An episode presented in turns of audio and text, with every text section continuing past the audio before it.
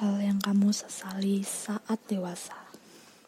Hi, Evie here. Welcome to my first podcast called Obrolan Lewat Jam 10 Malam.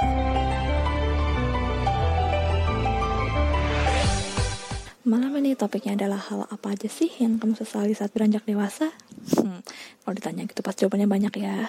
Tanpa sadar pasti kita semua di sini pernah berandai-andai. Seandainya pas itu gue nggak makan itu kue pasti gue nggak segendut ini.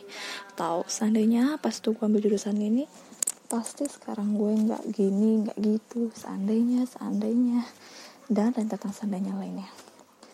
Pasti banyak kan tapi buat aku, hal yang paling aku sesali itu masa-masa SMA dan kuliah.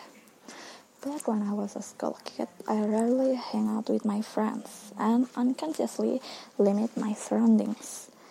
So, benar-benar bangun buat sekolah, datang ke sekolah buat belajar dan sorenya pulang ke rumah. Ya, emang gak salah sih tujuan belajar, emang harusnya belajar ya.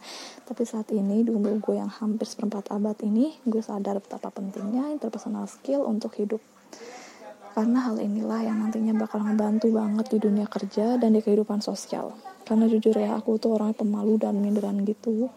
Until this day, I still find it difficult to talk in public.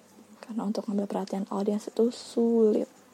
Penggunaan gaya bicara yang luas, itu tuh harus diasah bertahun-tahun. Jangan kan untuk berbicara di atas panggung ya, buat membawa obrolan tetap menyenangkan dalam sebuah percakapan itu butuh latihan bertahun-tahun.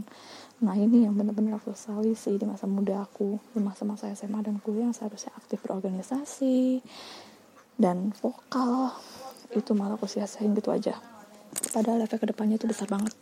Jadi buat kalian yang masih kuliah atau masih sekolah harus ikut komunitas sekolah ya dan kegiatan kampus dan kalau emang ada kesempatan, coba diambil kerja part time. Jadinya pas sudah masuk dunia kerja penyesuaian diri jadi lebih mudah. Dengan catatan, tetap masuk sekolah dan ngerjain tugas dan lain-lain. Jangan sampai aktif di komunitas tapi tugas sekolah ambiar. Jangan gitu ya. Harus seimbang. Thank you buat semua yang udah dengerin. Semoga menghibur. Kalau ada topik lain yang mau dibahas, boleh tulis di kolom komentar atau mention ke Twitter aku @evijau.